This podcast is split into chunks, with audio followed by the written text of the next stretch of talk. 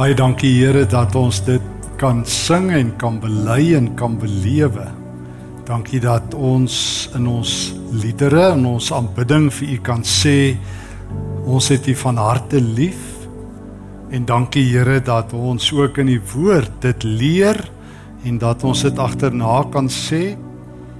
Leer ons om vandag vir U nog meer lief te hê en om nog meer dankbaar te wees om nog meer oorweldig te wees deur die feit dat U 'n goeie Here is. Dat U niemand voortrek nie en dat U vir ons almal omgee. Hoor ons gebed Here dat U woord vandag ook lewe sal wees in ons eie lewe. Dat ons ore waawyd oop sal wees en ons harte sag om U woord te ontvang in Christus se naam. Amen. Ek het uh waar ek groot geword het, het 'n onderwyser een keer vir iemand gevra of daar waar hulle bly in die Boedorp of in die onderdorp is. En ek onthou een keer het 'n onderwyser toe vir my ook gevra hoe naby aan die treinspoor bly ons. Want ons straat het so teen die treinspoor vasgeloop en toe ek agtergekom die treinspoor verdeel Upper Kempton Park en Lower Kempton Park van mekaar of jy bly in die UK of jy bly onder.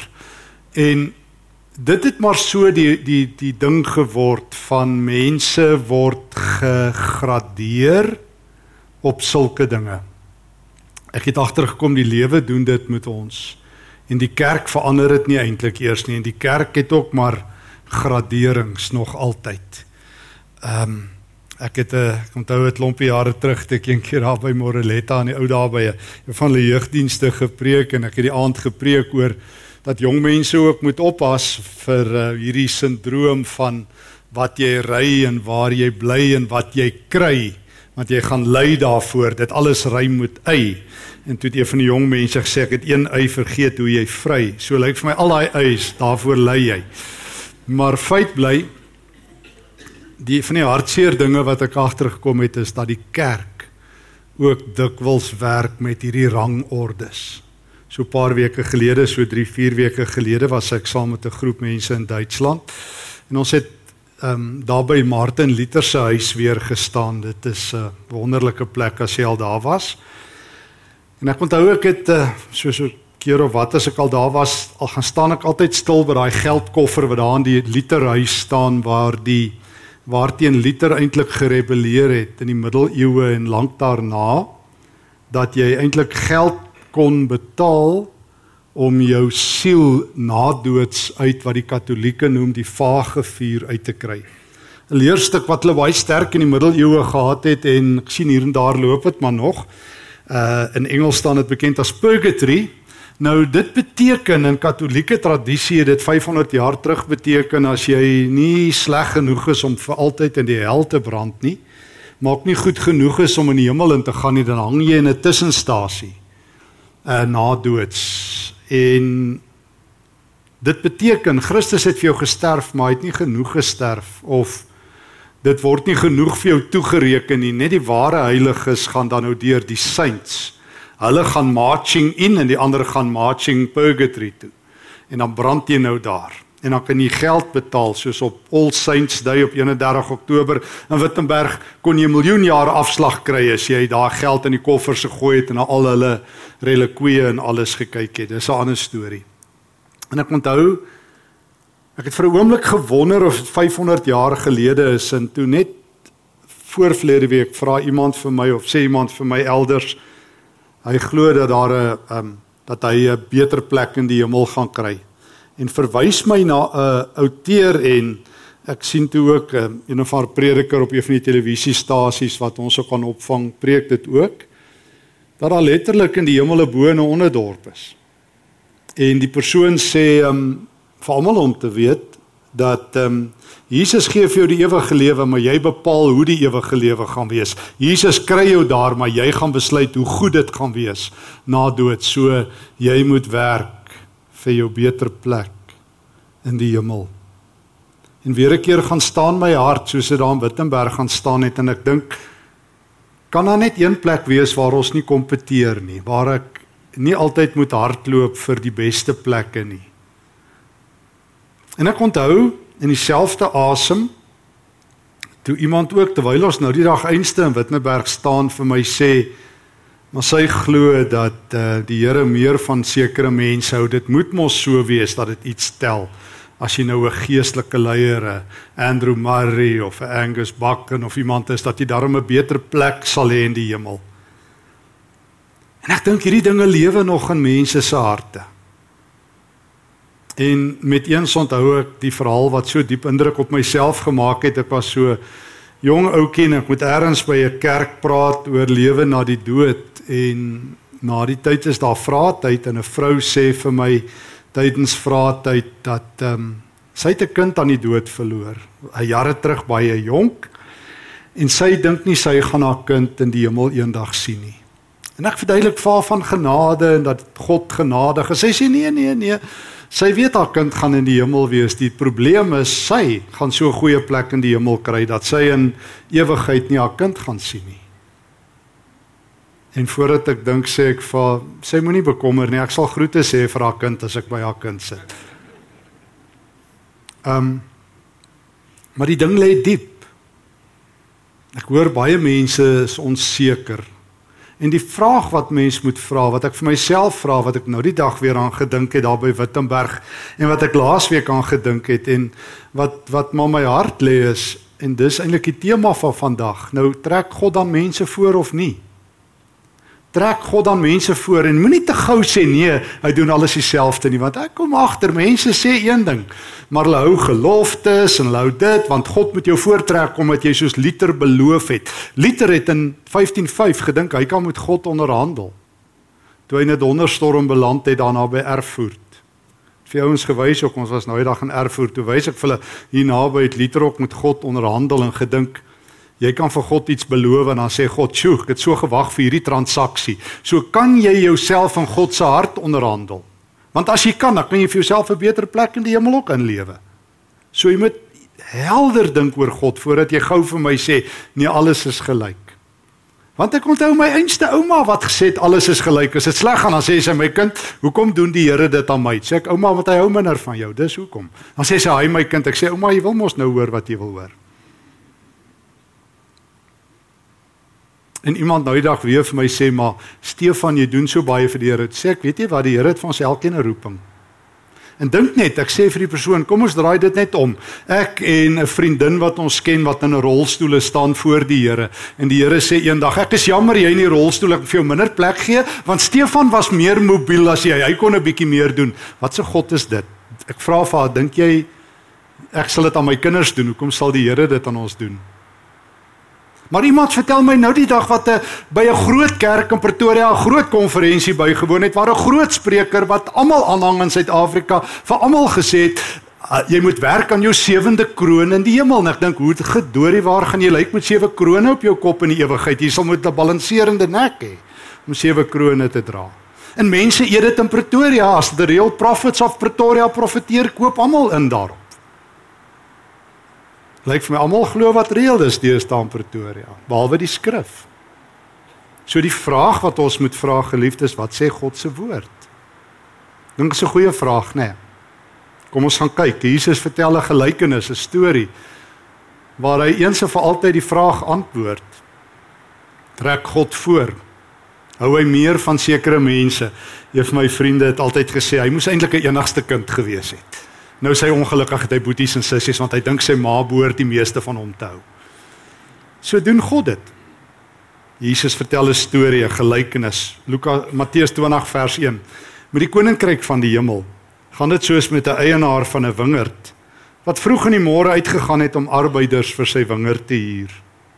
Nadat hy met die arbeiders ooreengekom het om hulle die gewone dagloon te betaal, stuur hy hulle om in sy wingerd te gaan werk. Kantlyn opmerking. Um In die Romeinse ryk was die dagloon, die standaardloon wat al die keisers vasgelê het, 1 denarius.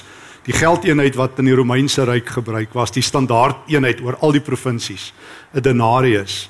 En dit was die vasgestelde loon, of jy nou in Jerusalem was of in Rome, dit was die dagloon. So hier kry hulle dit ook in Galilea. Ons lees verder vers vers 3. Teen 9uur gaan hy weer uit en sien ander werkloos op die mark staan.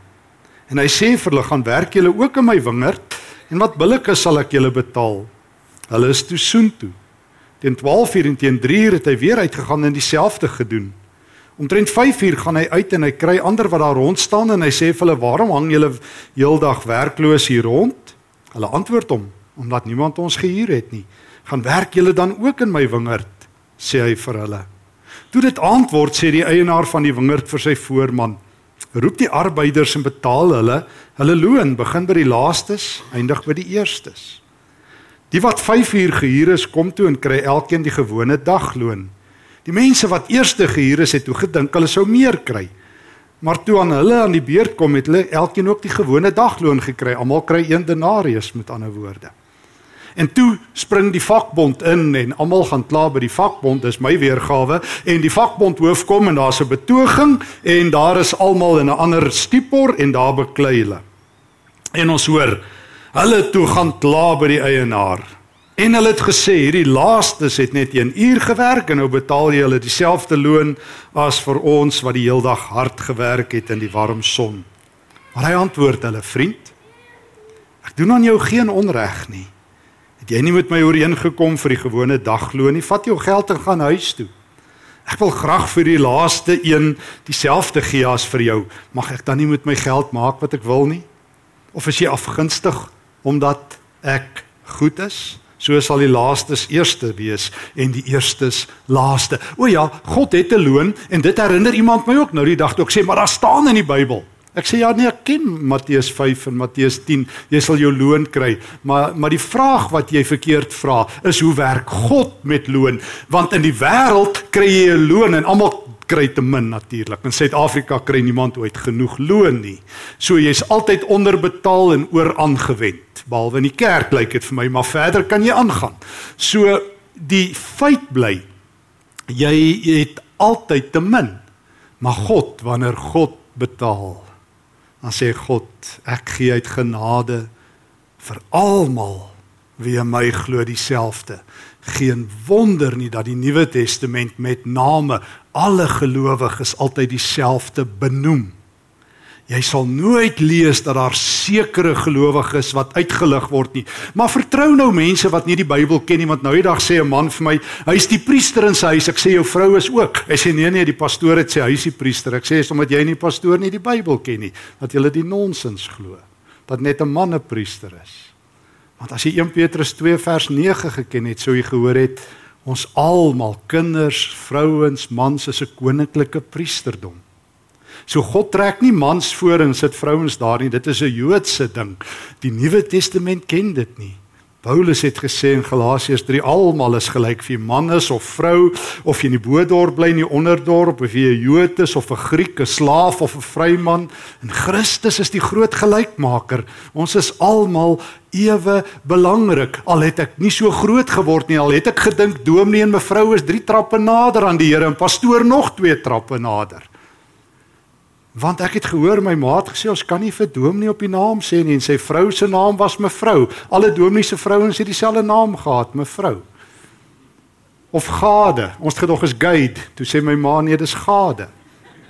En ehm um, Toe kom ek agter maar ons het so groot geword en dit is so in ons ingeprent en iemand sê vir my ja maar hulle het so in die wêreld geleer. Ek sê maar jy's nie in die wêreld nie, jy's nou by God. En Jesus sê moenie titels gebruik nie en maak die speelveld gelyk in Matteus 23. Dit was nie 'n advertensiebreek toe Jesus gesê het julle moenie titels gebruik nie. En ek kan nie help as mense nie die Bybel ken sodat ek ook saam met hulle verkeerd moet glo nie.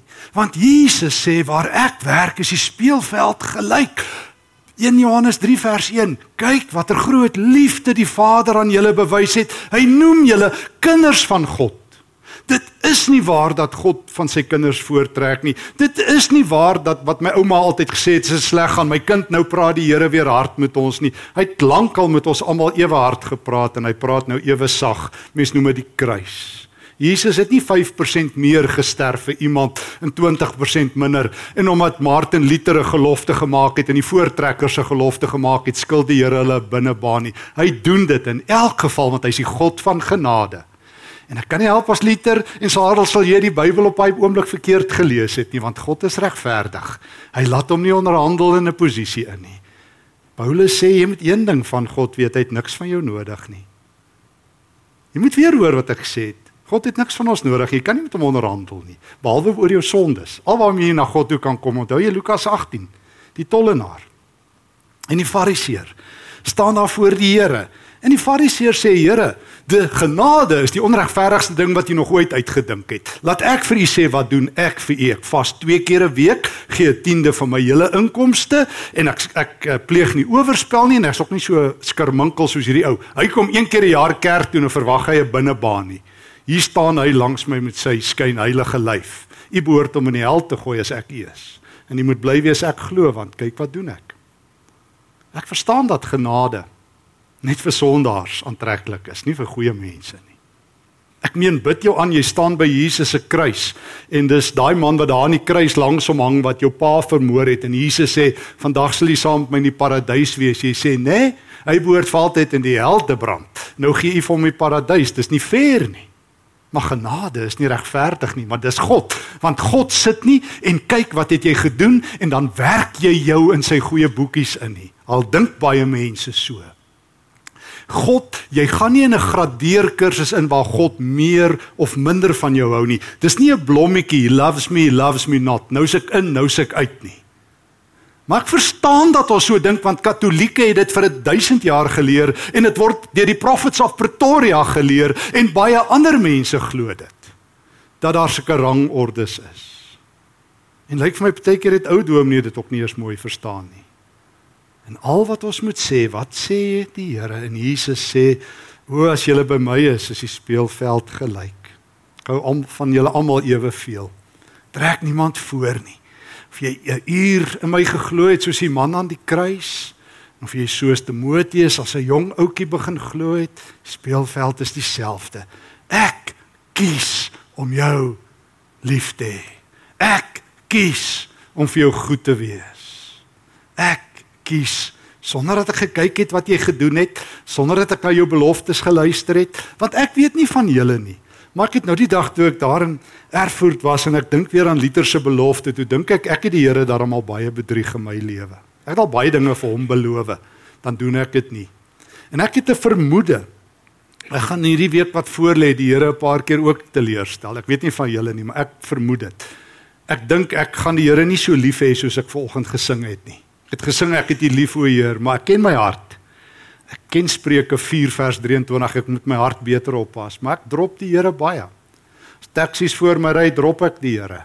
As die Springbokke sleg speel, drop ek die Here. As die cricketspan teen Nederland verloor, drop ek die Here. Um ek is nie altyd so heilig soos ek behoort te wees nie. Dan sê ek Here, as ek U was sou ek nie van my gehou het nou nie. En dan sê die Here, ek wil nie hê jy moet so wees nie. Ek gee nie vir jou lisensie nie. Moet nooit dink genade is 'n lisensie vir sonde nie. Jy verstaan nie van genade niks. Maar dis waaragtig nie dat God sit en sê Hierdie week hou ek meer van jou en volgende week kyk ons waartoe dit gaan nie. Miskien 30, 60 en as jy op jou sterfbed kom met jy net hoor hoop is 'n goeie week dat jy doodgaan. Anders dit ons moeilikheid. Katolieke glo dit tot vandag toe as jy my nie glo nie. Jy moet net hoop jy het 'n goeie sterfbed dat jy jou sondes kan bely anders dit jy moeilikheid. Dis kom ons glo in genade. Die God van genade. Wat sê hier en nou, is die speelveld gelyk. Wat van die lewe daarna? O Openbaring 4 vat my so oomblik in die hemel in. Ek kan al in die hemel inkyk. Ek hoef nie net te sing oor 'n nuwe hemel wat kom nie. Ek kan ook in daai hemel inkyk in Openbaring 4. En vir 'n oomblik vat Johannes my daar waar al die gelowiges by God is in Openbaring 4 vers 3. En ek hoor hoe God op sy troon sit terwyl Johannes in die hemel instap en ek lees in vers 4 reg rondom die troon was daar 24 ander trone. En op die trone het daar 24 ouderlinge gesit. Hulle het wit klere aangetree en op hulle koppe was daar goue krones. Dis die hemelse kerk. Dis die hemelse kerk van Openbaring 21 waar die 12 stamme en die 12 apostels die nuwe volk van God maak. En hulle sit reg rondom God. Het jy gehoor hulle sit in 'n sirkel? Ek het gedog jy gaan in rangorde sit want die ou Jode het geglo daar's 'n rangorde. Dis eers die aardsengele en dan die aardsvaders en dan die profete en dan die konings. Dan gaan dit so af na die gewone common plebs toe. Dis nou ons. Dan sit jy daar agter in 'n agterhoekie van die hemel as jy gelukkig is. Katolieke het dit geglo en soos ek sê tot in Pretoria glo baie mense dit in 2022 omdat hulle nie die Bybels se troos glo nie. En genoeg God se hart ken nie. En daarom hoor ek hulle sit in 'n kring rondom God. En my wiskunde het my geleer alle punte op 'n sirkel is ewe naby aan die middel, né? Nee, dis 'n wiskundige reël. Sit ons almal rondom God. Of ek um, so bietjie geglo het en of ek so baie geglo het en of ek um, my vingers stompies gewerk het en of my laaste oomblik aan die kruis ek eers tot bekering gekom het. Die Here sê kom in. Alles is joune. Net hierna vat Johannes ons in Openbaring um hoofstuk 21 ander kant die wederkoms. Uh, hy vat ons na die oordeelsdag toe in hoofstuk 20 vers 11 tot 15. En dan sien ons hoe lyk ons nuwe hemelse huis, ons adres. En dan hoor ek vers 5 van Openbaring 21. God wat sê kyk, ek maak alles nuut. En daarna sê hy skryf hierdie woorde op, dis betroubaar en waar, dit het klaar gebeur. Dis vir my van die mooiste woorde in die Bybel klaar gebeur. Is afgehandel. As jy nou een ding wil weet van God, hy het klaar die toekoms geskrywe aan die kant die hemel. Ehm um, en hoe lyk dit? Hy sê ek is die alfa en die omega, die begin en die einde. Aan elkeen wat dors het, sal ek te drinke gee die fontein met die water van die lewe verniet. Elkeen wat die oorwinning behaal, sal dit alles kry en ek sal sy God wees en hy sal my kind wees. So God sê, ek gee alles met respek. En ek moet dit so hard sê dat ek dit kan hoor en jy dit kan hoor. Dis nie asof Jesus toe daai man aan die kruis in Lukas 23 vir hom sê dink aan my Here, sê Jesus, dis nou bietjie laat, maar weet jy ek weet ons het 'n spesiale aanbod, daar's nog so aanbieding. Jy kan jy kan ag as jy is jy bereid om agter 500 miljard mense in die hemel te sit, dan sal ons vir jou verkyker gee, dan kan jy een keer per jaar my raak sien in die hemel nie. Jesus sê, "Vandag sal jy saam met my in die paradys wees, afgehandel." Here, maar ek Ek vra net vir genade. Ek bedel net vir 'n oomblik se gedagte. Jy kry dit alles. Want ek is 'n goeie God. Of jy 5:00 die oggend, 5:00 die middag begin werk het of 8:00 die oggend, my genade is vir jou genoeg. Hy wat oorwin sal dit alles kry. Alles. Sê God. Verniet. Ek sal hom laat drink uit die fontein en haar en jy sal my God wees of my kind wees en ek sal jou God wees. En dieselfde in Openbaring 22 lees ek hoe lyk die lewe in die nuwe stad van God. Openbaring 22 vers 3. Hulle sal hom sien alle gelowiges. En sy naam sal op hulle voorkoppe wees. Daar sal nie meer nag wees nie en die mense sal nie meer lig nodig hê nie. God sal hulle verlig my dierbare skoonpa wat ook nou al daar by die Here is, het self teologie gestudeer in die gereformeerde kerk en hy het altyd vir my gesê God is te heilig, ons sal hom nie sien nie. Ek sê pa, ek weet hoekom jy dit sê, want jou Bybel het by Openbaring uh, 21 opgehou. Jy moet net Openbaring 22 lees. Almal sal die Here sien. En as ek God sien en vrye toegang het tot hom, is die speelveld gelyk. Dit is my wonderlik om dit te weet. Want ek leef in 'n onregverdige wêreld. Ek leef in 'n wêreld waar mense onregverdig binnebane kry en waar mense voorgetrek word. Ek leef in 'n wêreld waar mense nie saak maak nie. Waar mense soos hulle ouer word, hulle waarde verloor en dan uiteindelik uit die samelewing gestoot word.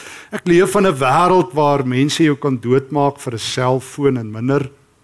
Ek leef in 'n wêreld waar respek weg is en dan sê God, nie op my speelterrein nie nie op my speelterrein nie. Ek ag jou so kosbaar dat ek jou my kind noem. Ek ag jou so kosbaar dat jy niks in jou hand het wat ek wil hê nie, maar ek wil alles vir jou gee wie ek is. Jy dink dit gaan oor jou. Al wat jy eintlik het is jou sonde. En as jy met my wil onderhandel, moes jy Galasiërs 3 gelees het. Dan moet jy volmaak lewe, want dan moet jy 100% wees. Anders kan ek jou nie vat nie. Maar ek spesialiseer in sondaars en in has-beens en in nobodies en ouens wat Sondag sing in in KSM wil dit my lief en Maandag en Dinsdag ook maar weer halfhartig dit agterna sing en teen Donderdag my vergeet het. Maar ek het mense lief. Nee nee. Wil nie jy moet in die sonde lê nie. Jy moet ook nooit hoor jy mag nie. Geen nie gratis verblyf en 10 grade sonde se dag nie. Gee my gees aan jou en hy gaan jou optel en jou na my standaard toe bring. Ek het jou gekies om heilig te wees, Efesiërs 2 vers 10. Ek het jou geroep om afgesonder te wees. Jy's myne. Jy gaan mooi leef in die lewe. En jy gaan hierdie week bly wees dat ek 'n goeie God is en dat ek jou raak gesien het.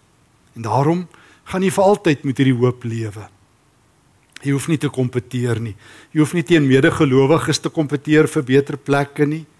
Jy hoef nie te dink ek gaan ander mense voortrek nie. Ek is die goeie God. Ja, daar's loon en elke keer as jy loon lees in die Bybel, onthou Matteus 22 hoe lyk loon op God se terrein. Ek betaal vir al my kinders vooruit dieselfde. Daarom daarom weet ek, ek kan getroos lewe en sterwe. Daarom kon ek nou die dag in Wittenberg dankbaar wees dat die Here aan die ander kant 'n geldkus iemand opgerig het soos Liter om vir ons te kom vertel weer van genade wat self in God se genade arms vasgehardloop het met alles wat hy probeer het elke gelofte wat hy probeer maak het en agtergekom het God het hom in elk geval lief nie wat hy gedoen het nie, maar wat God gedoen het, sê hoekom God jou liefhet. Hy het jou om Christus ontwil lief. Hy het sondaars lief. Hy het gevallenes lief en mense saam met wie hy pad loop lief. Hoor die Here se woord. Die speelveld is gelyk, die bo-dorp en onderdorp is afgebreek. Daar's net een plek, die nuwe Jerusalem. Daar is Jesus, alles en en almal en aan hierdie kant van die graf is daar net een Here wat ons almal eweveel liefhet, eweveel na ons almal se gebede luister, eweveel ons optel en oproep na sy standaard toe en eweveel saam met ons is tot 'n lengte van dae. Toe het ek die nuwe stad Jerusalem gesien, die stad wat gereed gemaak is soos 'n bruid en 'n bruidegom se huweliksgeleentheid. En toe het ek vir God gesien in, in sy troon en al sy dienaars was daar rondom hom en hulle het hom gesien en sy naam en sy Vader se naam die van Christus was op hulle voorkoppe geskrywe. En nou weet ek hoe lyk God se nuwe stad sodat ek met hoop kan lewe. Hoor die Here se woord. Amen. Dankie Here dat U 'n goeie Here is. Nee Here, U duld nie sonde nie. Maar dankie dat U ons vat soos ons is en en elke keer deur die Gees nuut maak. Dankie Here Jesus dat U nie witbroodjies het en sekere mense voortrek en ander agterbaan gee en op mense trap nie. Dis die wêreld, U's nie so nie. En dankie dat ek nie hoef te kompeteer of presteer vir U aandag nie. Dankie dat ek nie hoef te hardloop teen ander Christene om hulle uit te stof om 'n beter plek by U te kry nie. Dankie dat U ons almal liefhet. Hier is ons almal, Here. Here, en dit dit kan net dalk wees dat ons hierdie week bietjie teruggly, maar moet asseblief nie laat dit gebeur nie. Stuur die Gees in ons lewe en laat ons heilig lewe en laat ons dankbaarder by hierdie deure uitstap omdat U vir ons vanoggend gesê het ek het julle onvoorwaardelik lief. Dat ons net sê, Here, U is so groot en so mooi dat ons nie anders kan nie as om U van harte lief te hê. Ons prys U naam dat U so goed is. Amen.